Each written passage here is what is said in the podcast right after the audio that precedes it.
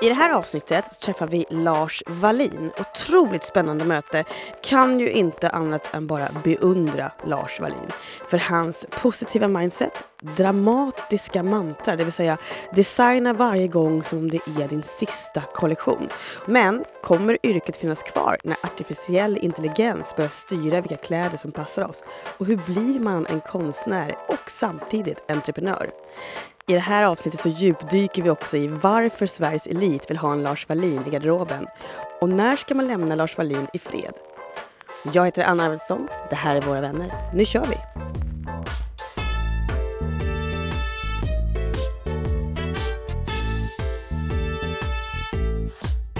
Lars Wallin, välkommen! Hur är läget? Det är superbra. Jätte, jättekul. Alltså jag är så tacksam över att du är det. När du nu, när jag mötte dig i entrén, mm. så kommer du med de kanske coolaste sneakersarna jag har sett någonsin. Vad roligt! Ja men du vet, jag var så här, jag, skulle inte hoppa på den här trenden med, med jättesneakers eh, hade jag bestämt mig för, för jag tycker inte det är så snyggt egentligen. Men sen var jag i Milano och så fick jag se de här och jag tycker det är små konstverk så jag kunde inte motstå. och när du säger jätte, då menar du att man liksom blir högre? Det är en hög sula? Ja, högre sula och det liksom växer ut nästan dubbel sko om man delar upp det ut både framåt och bakåt. Det blir så enormt. Det blir som små rymdskepp man har på fötterna.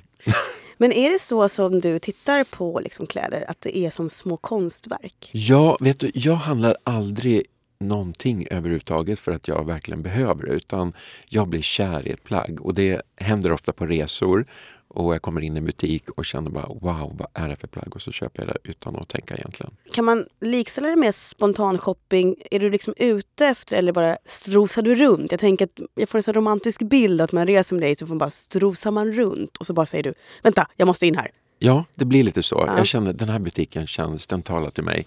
Här måste jag in och kolla. Och ibland hittar man grejer, ibland hittar man inte. Sen har man sina favoritbutiker också eh, som man gärna går in i för att man vet att det finns alltid någon där, någonting där som funkar till mig. Men det är sällan jag, jag letar efter ett plagg, liksom en viss typ av plagg. Utan det, det händer. Jag blir överraskad, jag följer passionen och jag shoppar på det sättet. Hur många sneakers har du hemma? Eh, ja, man kanske inte tror att jag är en sneakerskille men jag har ett gäng faktiskt. Men de är, de är ganska designade och så. och varför skulle man inte tro att du är en sneakerskille? Jag vet inte. Det kanske, man kanske tänker mig lite mer eleganta knytskor och så. Ah, okay. Jo, Lars. Vi letar ju alltid efter de liksom största och bästa talangerna på att jobba på Bollen Newsbrand Studio. Mm. Så jag tänkte bara liksom testa lite om du platsar hos oss med lite oförberedda frågor. Mm, det här är också samma frågor som vi kör när vi eh, rekryterar till mm. Um, Lars, mm. hur konstig är du från skala 1 till 10? Nej men jag kan säga så här, konst, jag har alltid känt mig lite som en alien som är här på tillfälligt besök på jorden. Eh, och det är väl lite konstigt att säga det. Men mm. det är inte negativt tycker jag. Nej, det är fantastiskt. um, om du fick välja vem du vill, död eller levande, att äta middag med, vem skulle det vara? Och spontant så tänker jag på Greta Garbo. Tror du att uh, män kommer kunna föda barn om tio år? Nej. Tror du att vi kommer att sluta äta om det kommer ett piller? Mm, ja, delvis. Mm. Till vardagen tror jag. Eh, om du ägde en billboard eh, var som helst på något fett ställe. Vi säger Stureplan nu om det är så jävla fett. Vad skulle det stå på den? Och nu får du inte säga din nya kollektion. Nej, och det får inte vara med för det, det måste ju... Ja, du menar bara en text? Ja, eller du får välja där kanske. Ja, vill jag vill ju ha en bild och liksom med en typisk Wallin-bild med en typisk Wallin-klänning. Mm. Och vad skulle det stå på den? Skapa drömmar. Mm. Ja, det är bra. Vi säger det. det är intressant med det. Jag gjorde ju lite research innan. Alltså då inte bara googlade dig utan kollade med lite människor som också känner dig. Mm. Och mer sådär, är det någonting som ni tycker att jag borde ta upp? Eh, och fick ju ingenting på det utan snarare att alla skrev så här. Gud vad kul, han är så himla fantastisk, han är så himla trevlig. Är, oh, känner du igen fint. dig i den uppfattningen om dig själv?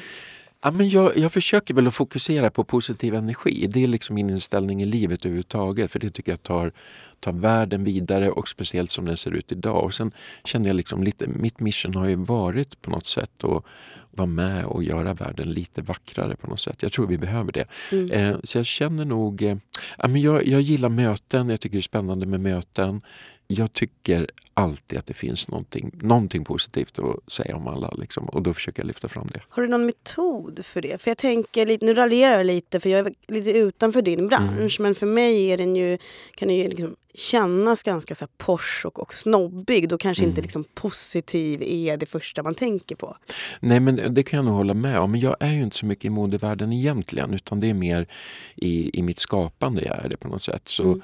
Och jag kan inte, jag, jag dras till det vackra och jag, jag lyfter fram det fina hos folk. Liksom. Och, och det kommer per automatik. Jag tänker inte, jag har, jag har inte en, en metod liksom. Men det är bara liksom... Du är ja. rent av nyfiken? Ja, verkligen. Och jag tycker att man kan... En del säger så här, men gud, hur kan du umgås med den där? Hur kan du ens prata med den människan som är så knäpp? Och så här. Men ja, jag vet om att det finns vissa brister där, men då behöver inte jag liksom gå in på de områdena. Liksom. Vi har jäkligt kul ihop, eller vi, vi har härliga samtal om... Ja, jag vet inte. Jag, jag, tror, jag försöker att, att fokusera på det positiva och undvika människor som har negativ energi. Men tror du att du skulle kunna uppfattas som konflikträdd då? Eh, lite konflikträdd är jag nog, men jag tror inte att det är det som... Att jag, jag, tycker det, jag förstår inte riktigt meningen med livet, men jag tycker det är väldigt spännande att vara här. Mm. Och jag känner att jag vill uppleva så mycket som möjligt och jag är nyfiken och jag undrar, undrar vad morgondagen ska ha med sig. Liksom. Jag har den inställningen liksom, naturligt.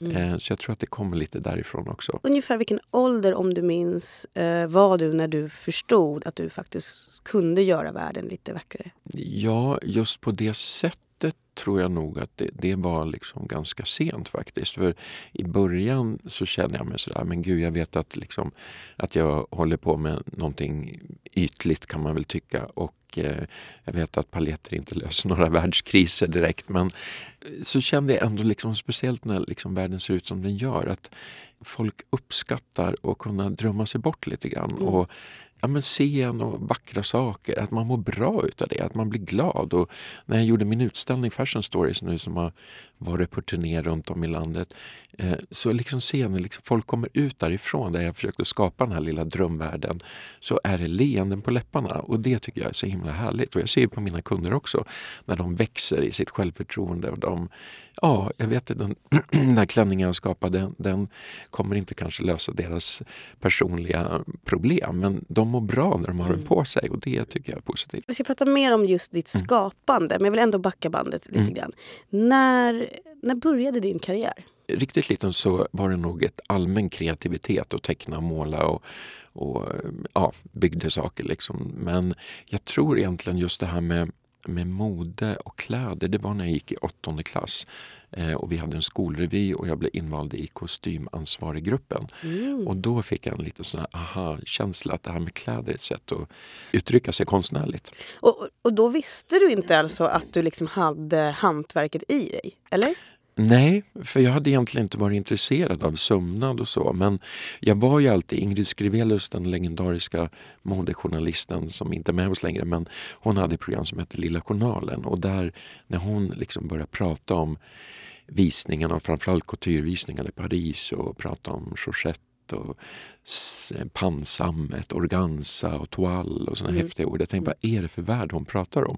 Så hon lockar nog in mig lite grann i det där hantverks biten liksom, och intresset för det. Och det, det är ju liksom min drivkraft. Jag älskar liksom när vi tappar tid och, och, och rum och, och, bara liksom fokuserar i min ateljé med mina skräddare och mina, med, mitt team eh, och vi håller på att kreera en klänning. Det, det är så himla häftigt och jag kan bli hög på den situationen faktiskt. Men, men vad, vad kommer det här ifrån? Då? Är det liksom dina föräldrar eller är det liksom morfar var liksom konstnär? Eller? Nej, det är faktiskt mamma jobbar på bank och pappa var polis. Ja, nej, det var ingen som, som har jobbat med det här. Jag hade inte det omkring mig liksom, när jag var liten. Utan jag tror att det här yrket har valt mig. Det är liksom mitt mission in life. Mm. Men, eh, och accepterar de det? Verkligen. Och det har jag fattat när jag blev äldre. Liksom, hur viktigt det har varit att de aldrig någonsin har ifrågasatt mitt yrkesval. Både att att jag var kille och jobbade med kläder och eh, att jag dessutom valde en nisch som nästan inte existerar i Sverige. Mm. Och jag förstår att de måste ha varit oroliga liksom. men, men det var aldrig någon tvekan om att jag skulle gå min egen väg och att de supportade mina val. Jag, jag har inga minnen av att de någonsin har ifrågasatt mm. någonting när det gäller liksom, men ska du inte satsa på något? Ja, möjligen när vi hade diskussioner när jag skulle söka gymnasielinje för då var det lite så här, men det kanske är bra att ha en ekonomisk grund liksom och ja, om man startar eget och sådär, att vi hade de diskussionerna då. Men, Vad blev det då? Blev det, det? Eh, det blev faktiskt ekonomisk mm. linje. Mm. Ha, så det var åttan och så hoppar vi fram i tiden och så om du liksom eh, tänker tillbaks nu att du då inte har dina fantastiska skräddare och din otroliga ateljé eller renommet som du har idag. Hur började allting?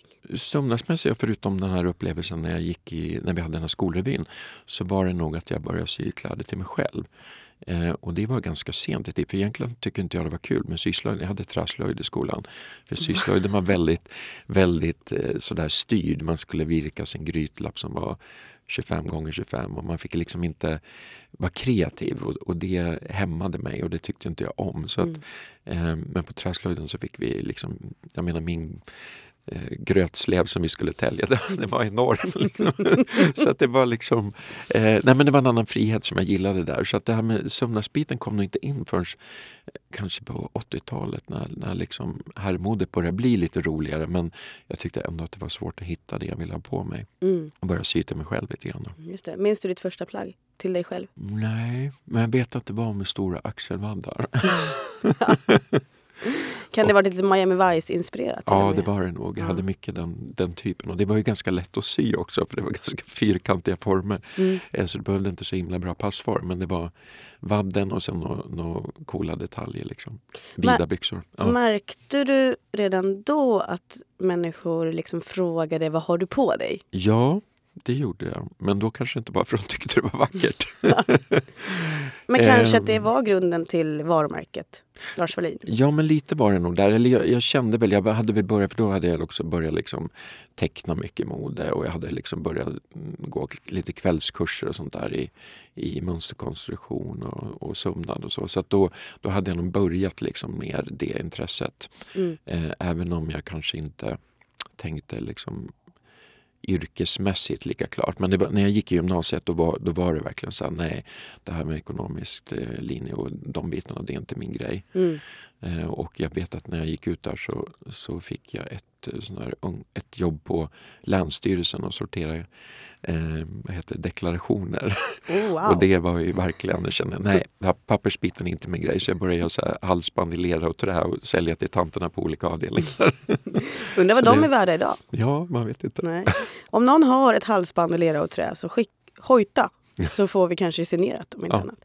Så här, i podden så har vi haft bland annat David Sundin och också dokumentärfilmaren Göran Olsson. När jag frågade om deras skapande så berättade David att han måste alltid tänka, vilket är väldigt märkligt, frigolit och polis innan han kan börja kreera.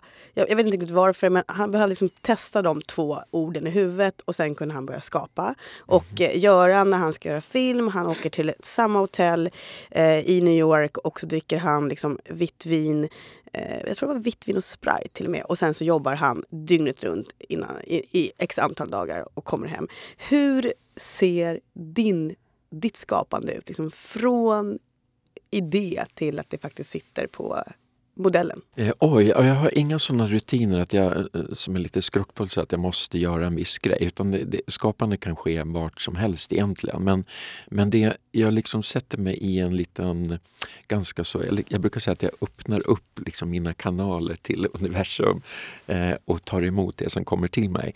Eh, och bara tecknar ner utan att egentligen tänka Eh, och, eh, eller kategorisera eller analysera utan jag bara tar in, eh, jag tecknar, jag har en liten block så liksom bara tecknar ner alla idéer och sen helt plötsligt så känner jag bara liksom wow, här händer det någonting. Och det kan vara en skärning eller en färgkombination, ett uttryck. Det börjar ofta med en känsla liksom, som, som jag vill förmedla och sen börja jobba runt det och bygga en kollektion då, då är det liksom kanske det här plagget som blir och uttrycket i det som blir det som man bygger vidare och, och, och gör olika varianter på. Mm. Men i själva skapande processen, just den här processen när jag inte själv riktigt vet vad det ska bli, då måste jag vara helt själv. Liksom. Jag klarar mm. inte av att vara folk omkring mig och jag är superkänslig för att folk ska tycka och tänka just då. Just Men när, när, jag väl har liksom hamnat i det och jag känner att nu föll bitarna på plats, mm Då har jag inga problem med liksom att folk eh, kommer in och tycker om mina grejer. Då kan jag liksom försvara dem och jag kan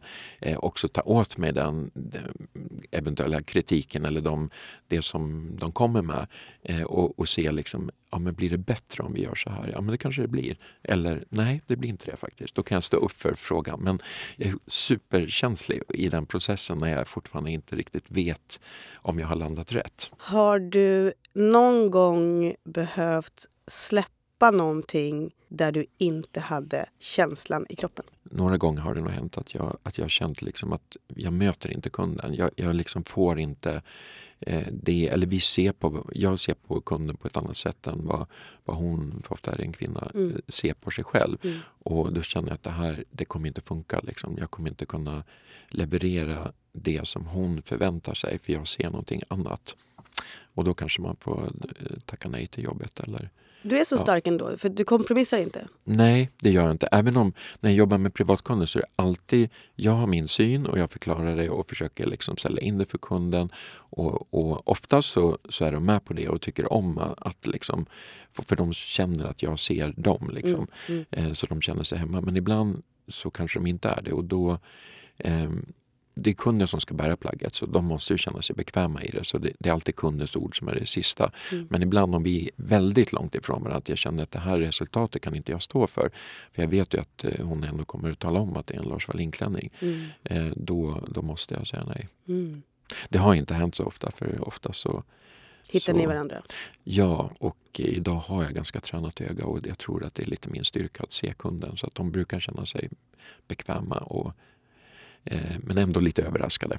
Vilken var din första kund som det då blev liksom begreppet Lars Wallin-klänning? Eh, min första klänning jag sydde som jag fick betalt för var faktiskt en brudklänning. Så bröllopsklänning har ju följt med mig hela karriären. Mm. Var det en eh, privatperson? Ja, det var en privatperson. Har ni fortfarande kontakt? Eh, lite grann, inte jättemycket men... Fortfarande lite. gift? Ja, hon är fortfarande gift. Ja. Vet inte om det beror på klänningen. Men... Var det då det tog fart för dig?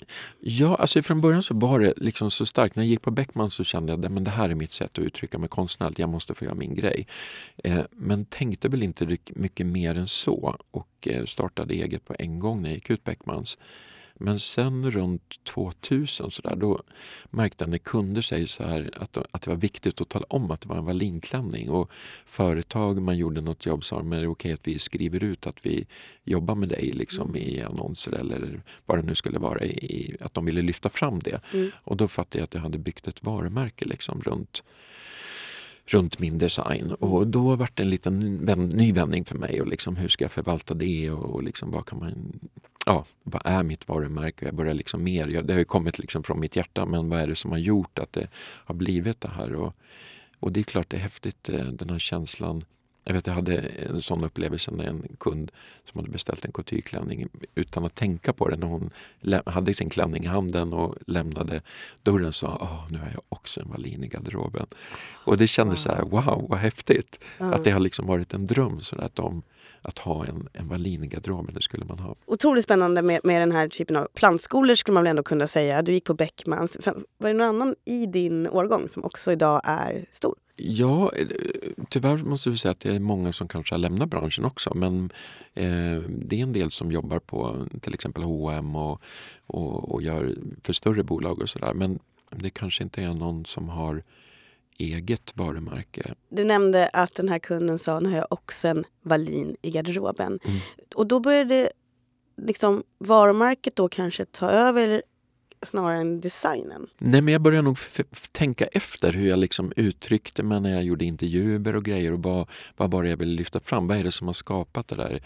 Eh, drömmarna om en Wallinklänning. Vad, vad är det i mitt... Eh, jag upplever att jag, jag har liksom alltid jobbat hårt och ganska kompromisslöst med mitt uttryck och mitt sätt att presentera mitt varumärke. Mm. Och vad är det exakt i det som har gjort? Så att jag försökte liksom sätta ord på det och liksom, så att jag kunde liksom fortsätta i den andan. Vad är det som är liksom själen i? Vad är det folk har reagerat på? Och ställa mig sådana frågor. Mm. Och vad är det då? Att det är en, en tidlöshet och en kvinnlighet. Att jag lyfter fram det kvinnliga utan att göra kvinnan till objekt. Mm. Jag liksom hyllar kvinnliga kroppen och, och jag försöker jobba tidlöst eh, fast ändå med tidlöst som man blir berörd utav. Att det är liksom plagg som, för tidlöst kan ju också vara ganska neutralt och mm. ingenting. Men jag försöker att hitta den där gränslandet till att, att det ändå man reagerar på plaggen men man kan inte sätta datum på dem. Har du förebilder eh, som då kanske inte är direkt relaterat till ditt yrke när du då pratar om inte kvinnan som objekt och liksom tidlös. Någon som du liksom, det här är ändå en ska jag säga, moden av den man vill skapa för? Um, nej, men jag, jag försöker liksom se det i alla kvinnor som jag möter och som jag jobbar med naturligtvis. Och, och nu när jag ska börja med kollektion eller vi släpper kollektion då, då har ju det varit lite svårare eftersom jag inte riktigt vet vem exakta slutkunden är. Och då var jag ju tvungen att och liksom mer så här, men vad är Lars Wallin mm. för kunden? Och, och, och, det är ju liksom att man känner kroppen i mina plagg. Det är liksom ett, ett, någonting extra i materialen. Det är glammigt och det är kvinnligt. Och det är klart att nu kommer inte det kanske passa alla liksom rent figurmässigt. Mm. Men eh, för, för, inom couturen så jag har ju jobbat med alla typer av kroppar och åldrar och, och längder och höjder och bredder. Liksom. Så, och där är ju liksom att anpassa sig till kunden. Och det är det som är utmaningen. Men nu, nu måste jag hitta, vem är Lars Wallin eh, bodyn om man säger. Eh, och då, då blir det lite, lite begränsat. I, jag kan inte säga att jag, att jag är plagg som passar alla. Det kan jag inte göra. Och det här händer ju väldigt snart. Ja, alltså nu har vi jobbat fram och tillbaka här och testat fabriker och prova uttryck. Och, men nu tillsammans med mitt Dreamteam så, så kommer vi faktiskt att ja, i, idag öppna webbshoppen till och med. Eh, så nu kommer vi nå en bredare publik och kunna förverkliga fler personers drömmar eh, om en Wallin i garderoben. Jag vill veta mer om det. Berätta nu. Vad är det som händer nu? Här sitter jag. Idag kommer jag alltså gå in på din webbshop. Ja, så himla härligt. Så spännande. Av? Du kommer mötas av eh, två kollektioner, Lars Wallin Collection som är, den ser ut som couturen och den är lite red carpet, en liten eh, kapselkollektion med, med tio klänningar. Eh, sen kommer du mötas av en helt ny kollektion som vi kallar V. Eh, som är, liksom, vi vill täcka in alla områden när man tänker lite festligare tillfällen. Från en AV med tjejerna till en smokingmiddag. Mm. Och också att man själv ska kunna sätta... Vi har byggt upp kollektionen så att man ska kunna sätta nivån på festlighet på plaggen. Man har sin fina liksom, eh, brokadkjol så kan man ha en, en scuba eller en t-shirt till liksom, och sneakers mm. så kan du ha den till jobbet också. Eh, men byter du om och sätter upp håret och hänger på dig par glittriga örhängen och höga klackar så, så är du beredd liksom, att gå på galafest. Eh, så där är lite den här världen att när man tänker någonting som är lite festligare, de här härliga bubblorna i livet, mm. det är då ska man tänka Wallin. Hur kom det här till dig? Det har varit i min tanke väldigt lång tid. Eh, och jag tycker att det är någonting som saknas på marknaden. Jag får höra det väldigt ofta också att det, det är eh, ett tänk runt, runt liksom festkollektionen och festplaggen. Mm. Eh, så det känns, eh, plus att jag försöker ta med mig det som det här med hållbarheten också. Det är någonting, vi pratar om hållbarhet i modebranschen idag med både när det gäller material och produktion och, och liksom, ja, eh, förhållande för arbetarna som syplagg och sånt där. Men, men det är sällan vi pratar om hållbarhet i design. Mm. Och det är någonting som jag, det här som vi kallar slow fashion, det är någonting som jag har brunnit för hela mitt liv för att jag har haft respekt för att mina couturekunder har betalat en, en hög peng för hantverket och då vill jag också att plaggen ska hålla hela livet. Och den erfarenheten och det uttrycket har jag med mig även om V-kollektionen är lite, den är lite yngre och den är, den är lite trendigare men det är ändå, jag vill att man ska kunna ha de här plaggen länge, att det är plagg som ska få ett långt liv och vi försöker liksom tänka i kollektionstänket också att vi tar modeller vidare till nästa säsong liksom också för att verkligen förstärka det här med att mm. den här är inte, det är inte bara den här säsongen som den här klänningen gäller. Men då är också tillbaks det här med vad, vad bland annat Wallin står för, alltså mm. tidlöshet. Ja. känner man ju själv är ganska viktigt om man lägger mer pengar på ett plagg än vad man brukar. Jag får höra ofta att jag har inte råd att köpa kvalitet eller jag har inte, det är en ekonomisk fråga och jag tycker inte det är det. Det handlar om en prioriteringsfråga.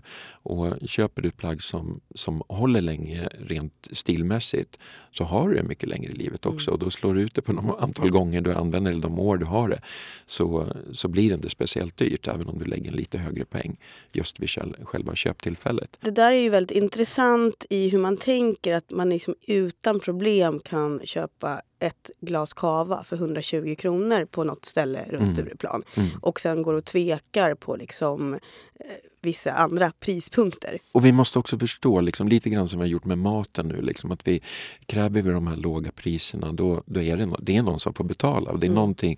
när det gäller maten så är det kanske lättare att ta åt sig det för att du vet att för att tomatodlaren inte ska få så mycket svinn som so socker som går bort så måste de bespruta tomaterna för att de, de kan inte förlora någonting i skörden. Liksom, mm. Mm. För att då försvinner deras marginaler. Och precis så är det liksom när man tillverkar plaggen också. I, liksom, men det kanske är lättare när man äter en tomat och, och man får i sig det här giftet att man tänker att jag vill verkligen inte ha i det här giftet i kroppen. Mm. Och någonstans i bakhuvudet så har vi, vi vet kanske att det är inte superbra förhållande för arbetarna som har sytt den här kappan för 149 spänn mm. i Bangladesh. Liksom. Mm. Men det är väldigt långt bort. Det. Eh, att det är lite svårare att ta till sig men vi måste göra det. Det är liksom ohållbart i att konsumera och överproducera på det här sättet som vi håller på med. Och Ja, jag kan känna det liksom att eh, menar, om vi går tillbaks väldigt långt i tiden så hade folk kvaliteter, även om man var jättefattig. Det var bra kvalitet på bomull, eh, ulltyger och så. Men man lagade, man lappade, man sydde om, det gick i arv och man liksom tog hand om sina plagg. Mm. För det var också kvaliteter som tål att, att tas om hand och som har ett långt liv. Och jag tror att vi måste tänka tillbaks lite till det, att vi åtminstone bygger vår grundgarderob på bättre kvaliteter och, och, där liksom alla, hela ledet har varit under bättre förhållanden. Liksom. Och ofta så hör det ihop med en prislapp. Liksom. Det är bara att konstatera. Så kollektionen V är också V för världen? V för världen tycker jag. Mm, härligt. Jag måste ändå fråga när jag ändå har dig här i rummet. Vad, vilket plagg skulle du rekommendera till mig nu. Nu har du träffat mig en gång, och så, eller det här är ju andra gången så det kanske inte är helt lätt. Men du har fått liten liksom, känsla för min personlighet. Ja, jag skulle säga att du, du har väldigt mycket kvinnligt men också det måste finnas lite rock'n'roll, lite attityd i plaggen. Eh, jag, jag känner som du är klädd idag med på tajta jeans, och coola boots och den här fantastiska leopardtoppen du har med lite volym och som känns väldigt kvinnlig. Den kombinationen tycker jag du ska gå vidare på. Och när jag går in på V nu då, vad är jag ska... Du kommer hitta massor med sådana plagg. Jag ser fler stycken plagg oh, som du Gud bara v kommer att älska tror jag. v för Vanna också. ja, du blir, en, du blir en V-voice här känner jag direkt. Oh, I wanna be that. Jag ska gå in direkt. ska jag göra. Um, du, du pratade lite om Dream Team. Det är mm. spännande. Mm. Hur sätter du ihop människor? Vad går du på förutom såklart att man har en eh, talang? En talang måste man ha inom sitt område naturligtvis. Men, men det är liksom, dels att det ska vara en, en god stämning mellan oss när vi jobbar eh, och sen att vi har lite samma mål, att vi tänker på samma sätt. Och, och för mig är det ju viktigt med det estetiska. Sen, sen har jag hjälp av en, eh, i kollektionsbolaget så har jag hjälp av en, en styrelse som också tittar på, på siffror och, och ekonomi och, och ett eh, affärsmässigt driv. Liksom. Mm. Men för mig personligen så, så är det viktigt att vi att vi liksom pratar lite samma språk när det gäller det estetiska. Är det så att liksom du också har, som jag tänker som man då har på, på Bonnier, har du så medarbetarsamtal och är det liksom, har ni så, eller, eller är det som på film där bara så alla bara står och klipper och det är, liksom, det är bara maskinerna bara... Ja, det bara dundrar på alla avdelningar. Nej, men vi, vi är ju ett väldigt litet team. Jag brukar skoja med vår VD Linnea här. Liksom. Hon, hon byter hattar hela tiden. Vi har ett stort gäng med hattar, alla personer. Vi får göra liksom lite högt och, högt och lågt allting. Men, eh, så det är ett väldigt litet team, så vi är väldigt nära varandra liksom, allihopa. Även om eh, mitt kollektionsbolag sitter i Göteborg och jag har ju couture-ateljén här i Stockholm. Mm. Eh, men, men vi har ju daglig kontakt via telefon och mejl och, och, och eh, sen gör vi besök både att de kommer upp hit och jag är där nere. Men det är ett litet team så att det känns väldigt hanterbart så att vi, vi, vi sköter frågorna när de kommer upp. Liksom. Så drivkraften i ditt team är liksom samma mål men också att man är ju jäkligt skillad ja. på det man kan. Ja. Ja, men det, det är ju väldigt bra. Jag, jag, tror att just när man är också ett litet team då, då funkar just bara att man går på att man är otroligt duktig. Det, det, utmaningen är alltså när man växer och kommer mm. så många andra att liksom hålla ihop skutan så att säga. Ja, och, och jag måste ju säga liksom, jag är ju konstnärssjäl. Liksom, så, så det här med att vara entreprenör företagsledare och så, det har, inte, det har jag liksom egentligen aldrig gillat. Liksom, utan jag har alltid velat att vi ska känna att vi, vi är ett team och eh, jag har kanske inte varit den bästa chefen på det sättet. Liksom. Eh, och, och har lite svår, Jag vill lämna bort de bitarna och, och har liksom alltid sökt ja, kompanjoner mm. som, som kan ta hand om de bitarna. För jag vill bara skapa liksom, och, det, och göra det som jag är bäst på. Det, det är effektivast tidsmässigt också att, att fokusera på det som, som man kan bäst. Men i början så antar jag att det var en one man show. Mm. Där du faktiskt fick göra allting. Ja. Eh, minns du din liksom första pitch, om vi bortser från eh, den här bröllopsklänningen som mm. du gjorde. Hur, hur, Kommer du ihåg hur du pitchade första gången? Oj, nej, men jag tror överlag så har jag jobbat ganska långsiktigt sådär och tänkt att om jag gör en bra grej till den här kunden så kommer hon prata gott om den och hennes väninnor kommer se det och sen sprider det sig med, via djungeltrumman. Eh, sen har jag väl också tagit tillvara på de tillfällen jag fått att att eh, synas i media och så. Försökt att och liksom presentera mina produkter och inte bara skicka iväg en klänning för en fotografering utan försökt att vara med och liksom styra runt omkring så att, så att det blir på det sättet som jag har velat och på mm. så sätt eh, utnyttja situationen eftersom jag själv inte haft råd att annonsera och sånt där. Eh, och sen har jag använt mig själv också som varumärkesbyggare och det förstod jag först eh, liksom ganska sent att jag som person också eh, kunde bygga varumärket. Liksom. Eh, och, och, det tänker jag väldigt mycket på när jag är ute och representerar. Du är ju otroligt likeable, eh, vilket är ju fantastiskt i den världen. Man vill ju hänga med dig. så är det bara. men, men, du Lars, ja. kan det också vara så att när du började så var du just liksom din Eh, din konstnärlighet inte så konkurrensutsatt? Ja, alltså, ja, ja jag, hade, jag fyllde nog ett tomrum när jag kom med en produkt som, som ingen annan gjorde och, och framförallt inte på det sättet som jag gjorde det. Eh, och det gjorde att eh, pressen väldigt snabbt fann mig och började låna mina grejer till modejobb och, och även liksom artister fick upp ögonen eftersom det var en produkt som, som de kunde använda när de jobbade på scenen. Mm. Eh, och det, gjorde också, det hjälpte också till att få, att få ut mitt varumärke. Mm. Eh, så självklart, ja. det var det. Liksom. Men samtidigt var det liksom på den tiden när jag började liksom 90 eh, då då var det ju liksom, då fanns ju inte, man hade ingen hemsida, det fanns ingen liksom Instagram eller någonting sånt utan då var man beroende av modejournalisterna och stylisterna. Om inte de lånade ens kläder och tyckte om ens kläder då syntes man ju ingenting. Mm. Så det var ju liksom en, en helt annan det var mycket svårare. Idag, så, vilket jag tycker är väldigt kul, så kan ju du skapa ditt eget varumärke liksom, utifrån dina kanaler och nå ut i världen direkt okay. också. Mm. Det var ju omöjligt liksom, på, när jag började. Jag tror bara att det kanske är svårare 2019 att faktiskt lita så mycket på sin talang för att eftersom att alla kan göra mm. så måste du kanske tyvärr eh, anpassa dig mer åt kunden än att du faktiskt tror på ditt skapande som du har lyckats oerhört bra med. Det är väldigt lätt att gå på myten om sig själv också. Har man haft lite framgång så är det väldigt lätt att man fortsätter i det spåret och att man inte analyserar liksom sitt sätt att jobba. Jag försöker alltid gå tillbaks till den här känslan jag hade första gången jag gjorde någonting, när jag inte hade några förväntningar på mig. Det, jag bara utgick från mitt hjärta och vad jag älskade att göra och gjorde produkten. Den här känslan liksom, när man hade börjat karriären. Jag hade min första ateljé och eh, det var verkligen, jag sa till mig själv, jag kom, eller jag kom på mig själv att jag, när det började hända lite grejer, man fick lite uppmärksamhet, man tyckte det var jättehäftigt och eh, man syntes i tidningar och folk pratade om en. Och, och det var väldigt lätt och, och, liksom, och folk kom också med goda råd och till slut så tappar man bort sig själv lite grann i det här. Och jag ser ju det, jag har jobbat mycket med olika personligheter inom olika områden liksom som, som också har haft en, en, en snabb karriär där man kanske har låst in sig lite grann i ett hörn. Att man är rädd att, att kliva ut från det här, prova nya vägar på grund av att tänk vad folk ska liksom säga för de kommer jämföra med det jag gjorde sist. Och, mm.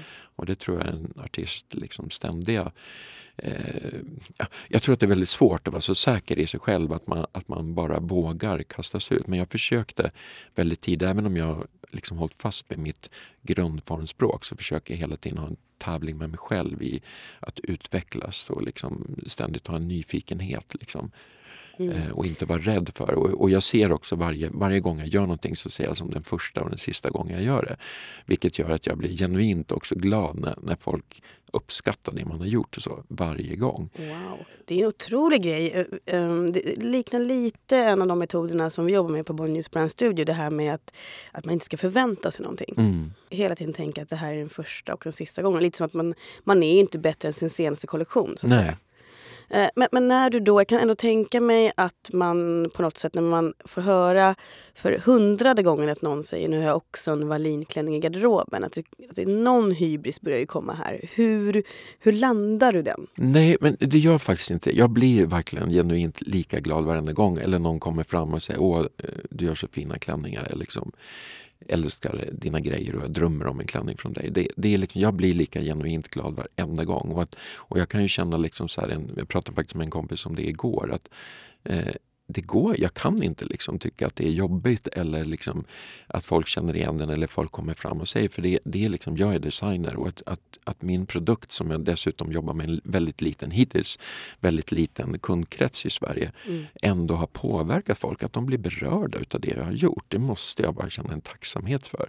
Eh, och det, det, gör, det ger mig en styrka liksom att fortsätta. Och, och jag har liksom alltid gjort det här för kunden. Liksom. Det har varit det viktigaste och när, när kunden är nöjd nöjd, då, då är jag nöjd. Liksom. Det, det, det har inte varit för att jag ska tillfredsställa en press eller en journalist eller en, en kritiker liksom, på något sätt. Mm. Utan det har alltid varit liksom, att, att uh, kunden ska vara nöjd som, som ska bära plagget. Uh, nej, men jag, känner, jag känner nog det här med att man med hybrisbiten där, att det, det är klart att idag kanske jag våga vara lite kaxig och säga, säga faktiskt att ja, men jag har ju faktiskt gjort det här och det här och det här och det här och det här och det här. Mm, mm. Eh, och jag är stolt över det. Mm. Eh, och kanske kan i vissa sammanhang säga men nu är jag faktiskt Lars Wallin. Mm. eh, men jag tar ingenting för givet. Eh, och liksom att jag har fått en sån här lång resa redan och hoppas att den fortsätter nu liksom med nya kollektionerna. Och det, det är så himla häftigt och det är lite den här synen jag har på livet när ja, men jag, jag jämför livet med när man var liten och blev nersläppt i en lekhage. Liksom. Och sen man hittar massa roliga grejer, man vinner med så mycket för en dag så kommer någon och lyfter upp en därifrån och då är det slut. Liksom. Så man vill uppleva så mycket, inte sitta i ett hörn och bara titta på alla andra som har kul. Utan, eh, och den inställningen har jag nog till livet. Liksom. En dag så tar det slut och jag vet aldrig när det är. Men det skapar också en nerv att, att jag liksom pressar mig själv. Eh, och ibland är det skitjobbigt att jag ska mm. göra det. Liksom. Jag skulle kunna gå på, bara på rutin men jag måste få det där pirret i magen och känna att det här, det här plagget är rätt. Jag måste liksom lägga ner samma energi för varje grej jag gör. Och Ja, det, det tar tid och tar mycket energi och ibland är man helt slut men jag älskar den känslan och det är så jag jobbar. Det är fantastiskt. Allting handlar ju om ett unbeatable mindset faktiskt. Ehm, vi har precis tagit fram en, en app. Vi har snott lite från en blogg som heter Wait But Why. Där man då kan räkna ut hur många dagar man har kvar. Mm. Och då, eh, du ska få prova den sen. Eh, jag gjorde den precis, jag har lite mer än 18 000 dagar kvar. Och när man vet det, då finns det inte så mycket utrymme för att liksom vänta på att bli upplyft ur lekhagen. kan man säga. Nej, och även om vi via en app får reda på att vi har så och så många så vet vi inte vad som händer. Det kan hända när jag lämnar studion att jag blir överkörd när jag går, går, går över gatan här ute. Så jag tycker det är väldigt viktigt och det är nog lite min inställning också, det här vi pratar om att vara positiv och så också. Att, att se här och nu och liksom, jag har fått möjlighet, mitt jobb har tagit mig till spännande platser runt om i världen och fantastiska miljöer och situationer och möten med otroliga människor. Eh, och det är jag så tacksam över och det gäller liksom att uppskatta både stort och smått när du njuter av en, en vårrulle på en thai-restaurang som bara är extra god eller om det är en superlyxig eh, privatjetflygning till ett drömhotell någonstans ute i världen. Liksom. Det, mm. det är liksom, man måste kunna eh, njuta utav stort och smått och naturupplevelser. Eller att, att vara närvarande i nuet. Liksom. Vi får inte glömma bort det. Och ta hand om dina nära och kära. Liksom, tala om liksom, att du tycker om dem. Ty tala om att, att de är fina eller var glad att, att de finns i ditt liv. Liksom. Jag tycker sånt är jätteviktigt. Kommer du ihåg att ge dina nära och kära Ja, jag försöker att, att ge min omgivning kärlek. Mm. Eh, jag kan också eh, understryka att det du säger faktiskt är helt sant. Därför att jag fick ju äran att hänga med dig, jag vet inte om det var två eller tre timmar i Stockholm på, en, på ett utställe där du inte tog upp din telefon en enda gång när vi pratade. Nej.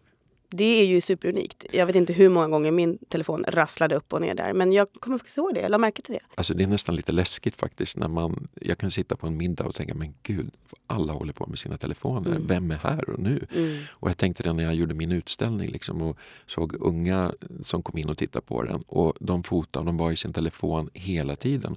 Och så liksom, men när upplever de utställningen då? Mm. Är det när de kommer hem och tittar på bilderna? Eller? Och jag tycker man missar så mycket i livet då. Och jag förstår, jag älskar telefonen och alla funktioner och mycket smidigare livet har blivit av det. Men jag tänker inte bli slav under den så att jag, jag har inga problem att lägga bort den. Nej. Även om vissa vänner kan bli lite, tycker det är så jobbigt för att jag inte svarar eller för att det tar lång tid. Att det, men eh, jag har stor respekt för att det, det är lätt att bli beroende. Mm. Och det vill jag inte. Det är ju faktiskt lite sorgligt för man pratar ju faktiskt om att telefonen numera är first life och det som händer nu när du och jag träffas mm. är second life. Även fast du är väldigt duktig på att vara i nuet så har du ju faktiskt två spännande Instagramkonton. Ett som det är väldigt många följare, över 12 000 följare. Hur jobbar du med de här två olika? Nej, men när jag gav mig in i den här världen, jag, jag gillar Instagram. Jag tycker det är en perfekt liksom, inspiration. Jag blir väldigt inspirerad. Jag tycker man kan möta och komma eller nära kommer man väl inte, men på något sätt kommer man nära pers spännande personligheter och konstnärer och så runt om i världen och fotografer. Och, ja, men jag, jag gillar att hitta inspiration från Instagram. Men jag bestämde liksom, vad, vad vill jag med mitt uttryck? Så att min, mitt privatas med Lars Wallin Designer, eh, där får man följa mig i mitt liv, vad som inspirerar mig här och nu. Och sen försöker jag presentera det med, med en estetisk bild där jag, där liksom anstränger mig att ta kortet och, och liksom jobba lite grann med beskärning och, såna, och, och filter och grejer för att få en vacker, liksom, en vacker bild. Så att den, bilden i sig är inspirerad men också att, att man på så sätt får lite lära känna mig och, och mitt sätt att se på mitt skapande och, och liksom vad jag njuter av i livet. Och det, det kan vara allt från en naturupplevelse till ett vackert tyg eller också en liten insyn i den skapande processen. Liksom. Men det, det, är inte så ofta jag lägger upp bilder på mig själv där och liksom eh, såna partybilder och så, även om jag vet att man får mer likes om man lägger upp bilder på sig själv. Men det har liksom aldrig varit min, mitt mål med den biten. Mm. Eh, sen har jag Lars Wallin Official som är mitt företagskonto och där eh, kommer vi nu jobba mer liksom, med kontakten med, med eh, våran slutkund. Liksom. Och speciellt nu när vi öppnar webbshoppen och så kommer de vara väldigt connectade liksom, med, med vårt Instagramkonto. Där, där får man följa liksom, kollektionernas utveckling och, och vi presenterar produkterna. Skulle Lars Wallin kunna ha anställa en, liksom en chefredaktör som liksom redaktörar dig, skriver copies, vet vad som, vad som funkar och inte och, och för att bygga ännu mer? Ja, jag gillar ju det här. Jag älskar ju liksom att eh, PR och marknadsföring. Jag, jag gör det. Jag tycker det är liksom att presentera sin produkt. Det, det fick jag lära mig väldigt tidigt när jag jobbade som dekoratör på Åhléns City innan jag började på Beckmans. Mm -hmm. eh, så det har alltid funnits med mig att presentera sin produkt och hur, hur kan man få eh, uppmärksamheten till produkten. Liksom. Jag tycker det är väldigt kul att tänka liksom, runt omkring de här. Att överraska liksom, folk och eh, ändå hålla liksom, en, en stil och ett, ett uttryck och vara det troget och bygga ett förtroende liksom runt varumärket. Och jag känner att jag kanske inte riktigt har, har och har haft tid att jobba lika mycket med det som jag skulle vilja göra. Så jag hoppas nu att vi, att vi kommer kunna göra det med, med företagskontot och med, med våra kollektioner nu då. Det är superspännande. Om någon där ute känner att man vill vara chefredaktör för Lars Wallin så finns det kanske en lucka här. Ja, man vet inte. Man vet aldrig. du, eh, jag kollade, vi har ju 105 gemensamma vänner på Facebook. Mm, du ser. Det är ganska mycket alltså. Ja. Våra 105 bästisar har vi där. Vi borde en av dem... en fest. ja, vi borde ha en fest, exakt. Det liksom, eh, du bland annat är kompis med Alexander Lydecker som också är min chef. Oj, oj, oj. Ja, vi känner inte varandra jättebra men vi har några superhärliga partyminnen från Båstad faktiskt. Eh, och sen har vi träffats lite mingelsammanhang med, med hans eh, exfru Carolina Gynning också. Har du något tips nu? Det är medarbetarundersökning. Något tips som jag Jag tycker han ger ett väldigt proffsigt intryck och dessutom är han väldigt stilig så jag tycker du ska vara glad att han är din chef. Åh, härligt. Apropå stilig. Mm. Eh, det här, du pratar väldigt mycket om när du skapar så är det ju oftast för kvinnan. Mm. Eh, vad är din syn på liksom, eh, den svenska mannen 2019 i liksom, kläder och eh, appearance skulle jag säga. Ja, jag tycker att vi skulle bli lite mer som italienarna. Jag tycker det skulle passa oss att liksom ha Eh, lite bättre kvaliteter, ta hand om våra skor och, och väskor och skärp och liksom accessoarerna lite mer och bättre och ha en lite större garderob att variera mellan. Men ändå, italienarna tycker jag är så perfekta med att, att ha toppkvaliteter men ändå så lyckas de se lite så här casual, lediga ut och det tror jag skulle passa den svenska mannen också. Rent, för jag tror inte att vi gillar att vara så uppstyrda och, och stylade liksom, men vi vill ha lite det där lediga till oss. Men, men um, ta hand om dina skor är det första jag tänker på. Det är liksom få män som, som har vårdade snygga skor. Mm. Är det första att titta på? Eh, Ja, jag ser dem. Mm, mm. eh, Okej, okay, så ta hand om dina skor är ett mm. bra tips. Eh, om man bara skulle säga, för du var ju lite inne på att din V-kollektion nu handlar ju om att jag då som kvinna kan ha, liksom, ha det på kontoret och mm. sen satte jag bara på lite, kanske några örhängen och så var det liksom eh, mm. AV-mode. Mm. För mannen då? Alltså det är väl lite samma tänk där. Liksom. Först eh, köp plagg som sitter bra på kroppen. Och det är inte alltid man hittar det, och det gäller ju kvinnor också färdigt på galge. Men ta lite hjälp då. Gå till en skräddare och, och sy in dem så att de sitter perfekt på dig. Mm. Eh, då har du en bra grund där att se, att se liksom välklädd ut. Men är, vi, är det någon liksom kostymbyxa vi pratar om här nu? Det kan vara kostymbyxa men det kan vara jeans också. Liksom. Eller en kavaj. Eller, ja, men man försöker lite, jag brukar säga till tjejer att de ska sätta ett ord på sitt, sin personlighet. Liksom. Är man en romantisk person eller klassisk person? Och det, det kan väl gälla lite för killar också men det är kanske lite andra kategorier. Men det är ofta lättare att, att hitta sin stil då på det sättet. Mm. Och sen finns det ju duktiga personer också. Ta lite hjälp och få lite råd. Kanske anlita en, en stylist som sätter ihop din look liksom, som du kan ha som ett litet sådär komma tillbaks till eh, bibel på något sätt när du är ute och letar dina kläder. Och, och sen våga lite accessoarer. Vi har inte så jättestor möjlighet att variera oss som ni tjejer har. Eh, men det går att kombinera liksom lite lite friskt och vågat också. Mm. Så, så, att liksom satsa på såklart skorna då, men sen titta på väskorna, titta på skärpet.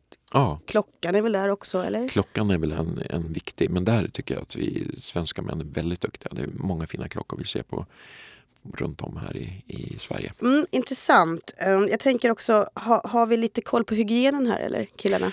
Det tycker jag är superviktigt. Men det, mm. känns, det har hänt väldigt mycket där också. Det, det är inte fjolligt längre att, att eh, ta hand om sin hud. Kanske till och med lägga på lite brunpuder när man går på fest eller, eller um, fixa sin, sina ögonbryn eller liksom färga sig eller gå och göra ansiktsbehandlingar och ta hand om sig. Det är liksom mm. lika viktigt för killar som för tjejer tycker jag. Det där är intressant att det inte är fler män som sminkar sig. Ja, det börjar komma tycker jag. Jag, vet, jag såg något avsnitt av någon sån här om det var Paradise Hotel, och sådär, då stod killarna lika mycket framför spegeln och pudrade sig med brunpuder. Så jag tycker det är lite coolt. Vad är det liksom?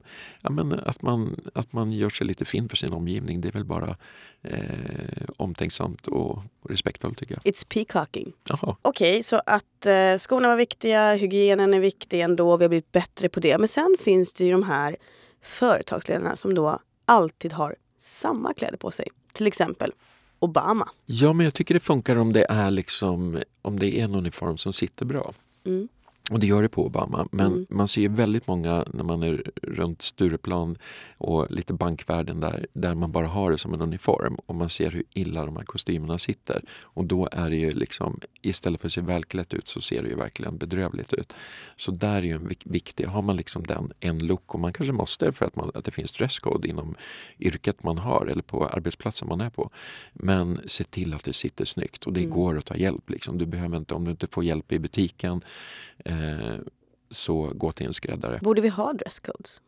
Jag gillar ju det. Jag, tycker att det jag, tycker, jag skulle vilja införa skoluniform till exempel på skolan där liksom alla är lika. Det blir ingen press vem som har den dyraste, finaste väskan eller de coolaste, senaste jeansen eller vad det är. Utan alla är lika och det skapar också en tillhörighet och en stolthet att vara en del av, av någonting. Jag tycker att det är positivt.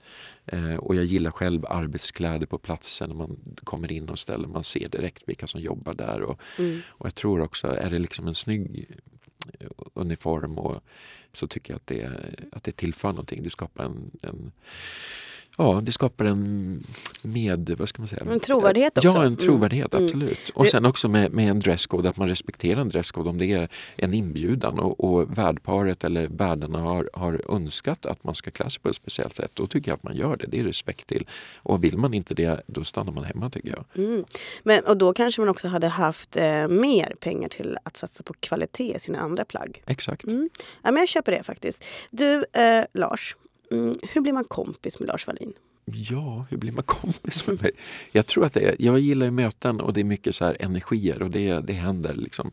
Um, nu när vi har gjort, när vi ska släppa den här kollektionen till exempel så, så blev jag väldigt bra kompis med, med eh, Joey Mbata som, eh, som eh, nu har spelat in den här musikvideon som vi presenterar kollektionen i. Och det var ett väldigt häftigt möte tycker jag och jättecool kvinna och tjej som, som både rent artistiskt har vi mycket gemensamt och då kände man lite så att man, ja, men jag tror vi har träffats i ett tidigare liv. Det kändes så naturligt när vi, när vi sågs och så. så jag brukar känna det ofta att det, det finns, det sker någonting i mötet. Liksom. Mm. Jag, har, jag har nog liksom vänner i både alla möjliga åldrar och, och typer och så också. Utan det, det är någonting i mötet med den personen som, som gör att man blir kompis. Uh, du pratade om att ni nu släpper en musikvideo till din kollektion, vilket är superhärligt. Mm. Uh, minns du den första artisten som du skapade för? Mycket väl, och det var Sylvia Vrethammar. Mm. Och jag hade fortfarande min ateljé hemma i sovrummet och jag gick på Beckmans då. Och det var genom en gemensam frisör som jag kom i kontakt med henne och jag vet att jag de första grejerna jag sydde var en gul sammetsoverall, eller topp och byxa var det. Och jag hade köpt tyget i Paris, i tygkvarteret nedanför Sacré-Cœur. Jag kommer ihåg precis, det var liksom, jag, har, jag har faktiskt kvar de skisserna också med i min utställning också. Eh, men det, ja, det var min första artistkund faktiskt. Wow. Du har gjort ganska många kändisar ska man, kan man väl uttrycka sig och säga eh, under åren. Har du några sådana där som du, här, här var jag Nej, men det här är en milstolpe i min karriär nu, förutom din första härliga gula sammetsdress. Ja, men det är klart att det, det, jag tycker att det är fantastiskt att ha fått jobba med så mycket kreativa, härliga, proffsiga människor eh, och som har valt att använda min design i sitt yrkesutövande. Det har ju varit jättehäftigt. Men det är klart att eh, visst var det coolt när jag fick göra Petra Mede, Eurovision Song Contest, liksom över 200 miljoner tv-tittare i finalen. Mm. Eh, det var ju häftigt. Eller när jag fick jobba med kinesiska sångerskan Wei Wei när hon sjöng på avslutningsceremonin i OS i Beijing. Det är också sådär som man bara, wow vad häftigt.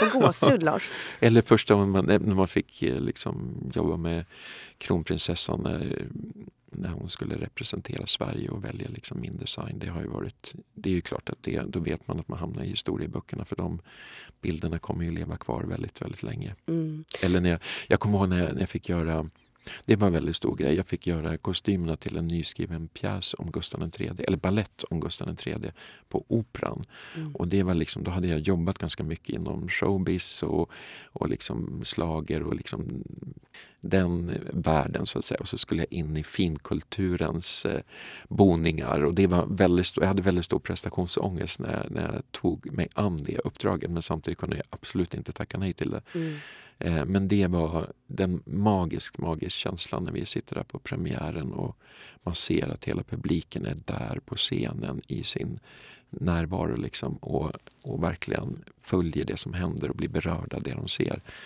Det var också riktigt, riktigt magiskt. Finns det någon svensk som du så gärna vill designa för men inte kanske haft tid eller inte haft ja, fått den kontakten. Jag tycker det skulle vara skitkul att få göra någonting till Sara Larsson för jag tycker hon känns så osvensk i sitt uttryck och jag har känt mig osvensk i mitt uttryck också. Mm. Eh, och hon vågar, hon är internationell, hon vågar liksom sticka ut och eh, jag tror att jag skulle kunna göra riktigt snygga grejer till henne. Jag håller med, hon känns otroligt Wallin-kompatibel. Eller hur? Ja.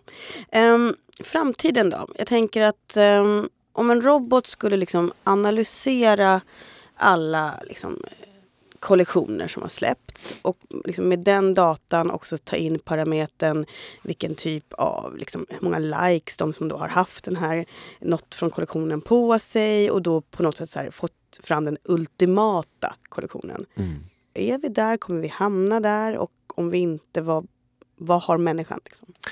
Eh, vi är där, absolut. Eh, och jag tror till och med att de håller på och har kommit ganska långt med den, den eh, en datadesigner så att säga. Mm. Eh, men jag tror inte, jag tror kanske för den här massindustrin som ska liksom pricka rätt på liksom både i sitt, vilket område plaggen ska säljas på och så. Men jag tror att kläder handlar fortfarande mycket om en känsla. Det är inte bara liksom ett ett eh, fodral man ska ha på sig för att och liksom inte frysa eller så. Utan det handlar mycket om en känsla och den tror jag är omöjligt att en, en dator kan ersätta. Liksom designers känsla som också man får med sig vidare till, till kundens upplevelse att ha plaggen. Mm. Men för de rent superkommersiella kanalerna så tror jag absolut att det kan vara en framtid. Just det. Man pratar ju mycket om att det som roboten inte har, i alla fall idag, är just det du säger, kreativitet och empati. Mm. Eh, och där kommer förhoppningsvis både du och jag ha ett jobb eh, några år till. Ja, men jag känner också, även om man gör såna här analyser så hamnar man ju på, det blir ju ingen utveckling i det. Liksom, utan man gör analyser för att man ser hur många likes man har fått och så skapar man kollektionen. Mm. Och sen fortsätter det, eftersom folk har den kollektionen på sig så, så blir det ju utav den, de stilen som de får nya likes liksom, och så skapar man en ny kollektion. Så det kommer inte bli en, jag tror inte de här nya vändningarna som, som jag tycker är så härligt med modevärlden som skapar en förändring som man inte riktigt vet när de kan komma. Det kommer ju inte finnas med en dator, det tror jag absolut inte. Det är också ganska mycket snack eh, om liksom wearables i dina kläder. Mm. Eh, jag fick höra nu något företag som då börjar sy med digital tråd så att hela t-shirten kan bli en skärm och sådana saker. Mm. Funderar du på sånt? Inte så mycket. Jag tycker det är väldigt häftigt och det kan vara effekter man har på scenen och sådär. Men jag tror ju liksom inom sportvärlden, jag är inte jätteinsatt i det, men där har vi mycket funktionsmaterial liksom där, som har egenskaper liksom som, som jobbar med kroppen liksom och transporterar fukt och, och och värmer och sådana saker. Så att det, det händer mycket inom tekniken och, och, spännande blandningar tror jag att vi kommer få fram. Och, och också som en nödvändighet att vi liksom blandar eh, syntet och, och naturmaterial och på ett spännande sätt och som också skapar en hållbarhet på ett annat sätt. Men, men just det här med blinkande och det är möjligt att man kan liksom inom sjukvården kanske ha någon så här overall eller plagg som, som hjälper att hela tiden analysera och skicka data hur kroppen mår och så till de som sitter och har koll på det. Jag, ja, jag vet det, inte. Men... Det. Du tänker mer funktionellt? Ja, egentligen. mer funktionellt ja. faktiskt. Men, men om man tänker att din nästa kollektion då som nu, din nuvarande heter V, vi säger att bara heter X och den kommer om, om några år. Mm. Om du bara fick liksom fantisera, finns det någon någonting du skulle sy in dina plagg som gör att mitt liv blir lättare? Eh, nej men det gör jag ju redan. Jag syr in kärlek i mina plagg. Mm, otroligt svar måste jag säga. Jag hade ändå velat haft kanske en liten laddare till mobilen i axeln. Ja, okay. Skulle du kunna? Ja, men jag, jag, tänker ju liksom lite, jag tänker ju praktiskt redan nu när jag skapar min kollektion. Och det, jag är så tacksam för den erfarenhet jag har att, att nu nästan 30 år har jobbat med alla typer av, av kunder. Så mm. jag tänker liksom att men det är ingen idé att jag gör en sån här design för det är ingen vanlig människa som ser snygg ut i den här. Och det gör ju att jag liksom redan i mitt skapande har ett, ett, vad ska man säga, en kommersiell anpassning med att, att det faktiskt eh, funkar på en vanlig kropp du kanske gjort fler, men det var, du har gjort ett samarbete med då, eh, inte en mänsklig kund utan just Flora. Mm. Det tyckte jag var väldigt, blev jag väldigt nyfiken på. Eh, dels vill jag veta hur pitchar de ens in det här samarbetet till dig och vad, Berätta om det. Ja, men det, det var faktiskt en jätterolig historia. För att jag, eh, jag är uppvuxen med Flora, älskade Flora och jag tycker det är ett legendariskt varumärke också. Eh, och dessutom med de här eh, häftiga reklamfilmerna med Margareta Krok och, som man liksom aldrig kommer glömma. Men så att när de tog bort Flora från marknaden så var jag och hela min familj väldigt upprörda över det. Och det tror jag, att, eller jag, jag vet att jag uttryckte mig eh, i något sammanhang i, i någon intervju om det. Eh, Eh, och Unilevel som, som äger Flora hade snappat upp det där. Så när de skulle återlansera Flora på marknaden så kontaktade de mig och frågade om jag skulle vara intresserad eftersom Flora också var det första designade bordsmargarinet och har liksom ett, ett väldigt tydligt formspråk och liksom var lite revolutionerande då att det var så designad produkt. Liksom. Mm. Eh, och då tyckte de det var lite kul och, om en designer liksom, som också dessutom hade en passion och en historia till Flora gjorde uppdraget. Och jag kände så här när jag fick uppdraget, så där, men gud nu har jag väl ändå gått för långt från mitt varumärke och vad jag, hur ska jag få liksom flora eller margarin att kännas couture? Mm. Eh, och började liksom tänka lite grann. Men jag ville skapa, eftersom det här är, vi pratar om det här med skönhet och, och världen lite vackrare, att det här är ju någonting som du har framme på frukostbordet eller liksom middagen varje dag. Mm. Eh, och då vill jag skapa en, en vacker produkt som tillför någonting estetiskt. Eh, och för mig är Flora liksom en spetsduk på en sommaräng och liksom massa midsommarblomster och så. Det, det är liksom den här urtypiska perfekta svenska sommardagen och, och liksom den känslan. Mm. Eh, så det försökte jag förmedla i den här vita förpackningen. Sen eftersom jag jobbar med broderier och mycket spetsar så, här, så vill jag göra ett mönster utav klöverblomman som är lite symbol för flora. Och det presenterade då som en idé att den skulle vara tryckt som relief på locket. Mm. Och det sa de nej till på en gång för att de sa att det här kommer inte funka i produktionen, det är som massproduktion. Men sen efter ett tag när de hade fått eh, ta det där med sina tekniker i Tyskland och så, så kom de tillbaka och sa men vi vill nog testa den där idén ändå. Och så började vi liksom och vi körde många varianter och de fick ner och provtrycka. Eller liksom i, och det, och det var, ja, det, det, var så mycket som spelade in och till slut innan sista provet kom då tänkte jag men funkar det inte nu då, då får vi nog lägga ner den här idén. Mm. Men då funkar det faktiskt och sen blev det liksom lite, ja men det, i slutändan blev det lite couture i margarinbranschen tycker jag. Gud så härligt. Man måste också ge Unilever den otroliga researchen ändå för det bygger mm. mycket på det med att skapa relation. Att ja. man faktiskt faktiskt vågar då kontakta dig för att du har uttalat dig. Ja. Jag tror många missar det där. Eh, att man liksom följer upp sina leads på det ja, sättet. Men det, det, är också ett väldigt, väldigt kommersiellt för, varumärke eller företag och de, de jobbar, de måste liksom, det uträknas exakt på vilken hylla, vart ska du stå, vart är bäst sälj, liksom hur de analyserar kunden och butiken och hela omgivningen till, till max. Liksom. Så att det, det var ju väldigt häftigt att vi ändå fick göra, och det gjordes många tester ska jag säga också, med att bara i designen så hade man testpaneler som skulle tycka om det här. Men, men det gick hem i, i stugorna trots att det, det var någonting som stack ut. Det var ju väldigt, och är ganska mycket, även om jag, jag kan se att att vissa företag har inspirerats av Flora-förpackningen nu i sitt uttryck. För det var väldigt mycket så starka färger när man gick och tittade i kyldisken innan jag började uppdraget. Så mm. det här vita, klina, rena med bara vackra bilderna på klöverblommorna runt omkring som en bård. Det vart, det vart som en liten karamell där i, i margarinhyllan. Eh, finns det någon annan sådär produkt som du säger, men här skulle jag nog kunna tänka mig att i alla fall lägga lite tankeverksamhet? Ja, men jag tycker det är väldigt kul. Jag har ju gjort lite andra kommersiella samarbeten. Jag har en kollektion med fyrklövern i porslinsvärlden. Det är också någonting man äter på, att duka vackert till fest när man har sin fina festklänning. Det finns liksom en connection. Men, mm. men jag, tycker, jag gillar ju såna här grejer som som eh, gör vardagen också lite, lite vackrare. Och, och det är lite tanken med kollektionen också nu. Mm. Att man ska kunna ha, inte bara när det är full gala som man kanske kopplar mitt varumärke till eh, nu, så ska man också kunna ta in det i lite festligare tillfällen i sin vardag. Kommer vi se Lars Wallin på mjölkpaketen? Eh, det vore intressant, även om det kanske inte är så jättenyttigt att dricka mjölk för vuxna människor. Men, men eh, ja, varför inte? Mm, varför inte? Mm. Kanske mjölkpaketen. Men när vi ändå är inne på ämnet av att göra någonting annat. Vad, vad tror du skulle vara ditt yrke om du inte är Lars Wallin? Om jag inte jobbar med kläder och design. Mm. Jag tror att jag skulle vara antingen florist eller konditor. Mm -hmm. Liknande men ändå någonting helt annat? Ja, någonting helt annat men ändå så...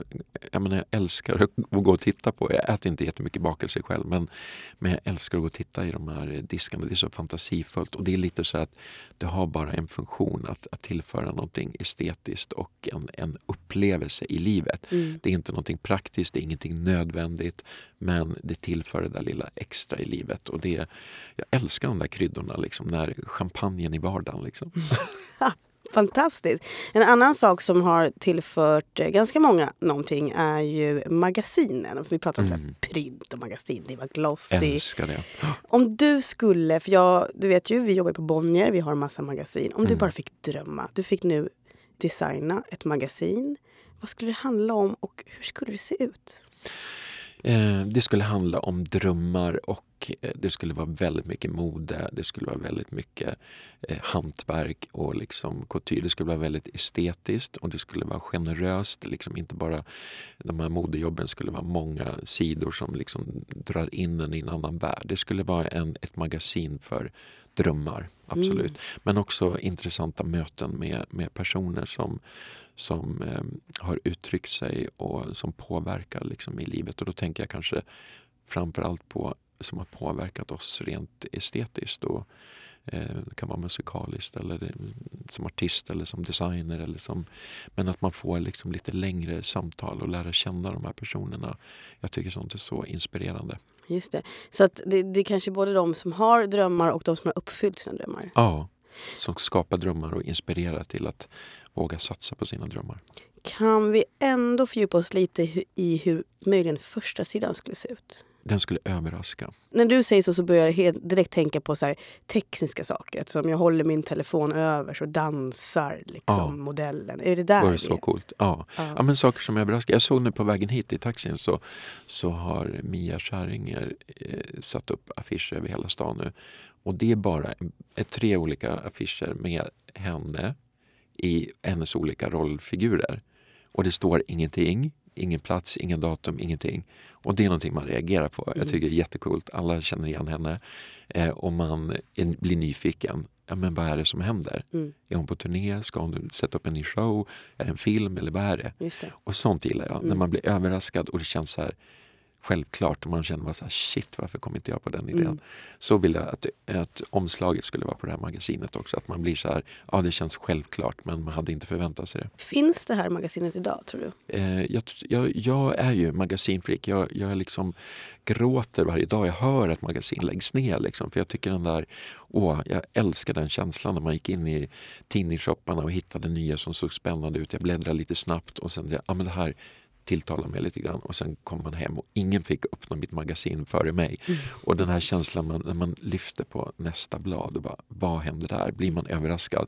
Shit vilket snyggt modejobb liksom. Eller wow vilken häftig bild på Obama eller vem det nu kan vara. Mm. Liksom, det, den känslan tycker jag är ja, underbar. Skulle Lars Wallin kunna göra liksom ett Wallin Magazine till Bonnier? Ja, det tror jag. Det var ett ganska häftigt samarbete. Ja. Apropå att eh, då saker man inte förväntar sig. Ja, och jag vet till och med vad det skulle heta. Det skulle heta V-Boys. Såklart. Såklart. Apropå V-Voice, ny kollektion ute. Superhärligt att ha dig här, Lars. Åh, är det redan slut? Det är redan slut. Ja, underbart samtal. Tack så jättemycket för att du kom. Tack för att jag fick. Tack alla ni som har lyssnat. Jag heter Anna Arvidsson. Det här är en podcast från Bonnie News Brand Studio. Följ oss gärna på Instagram.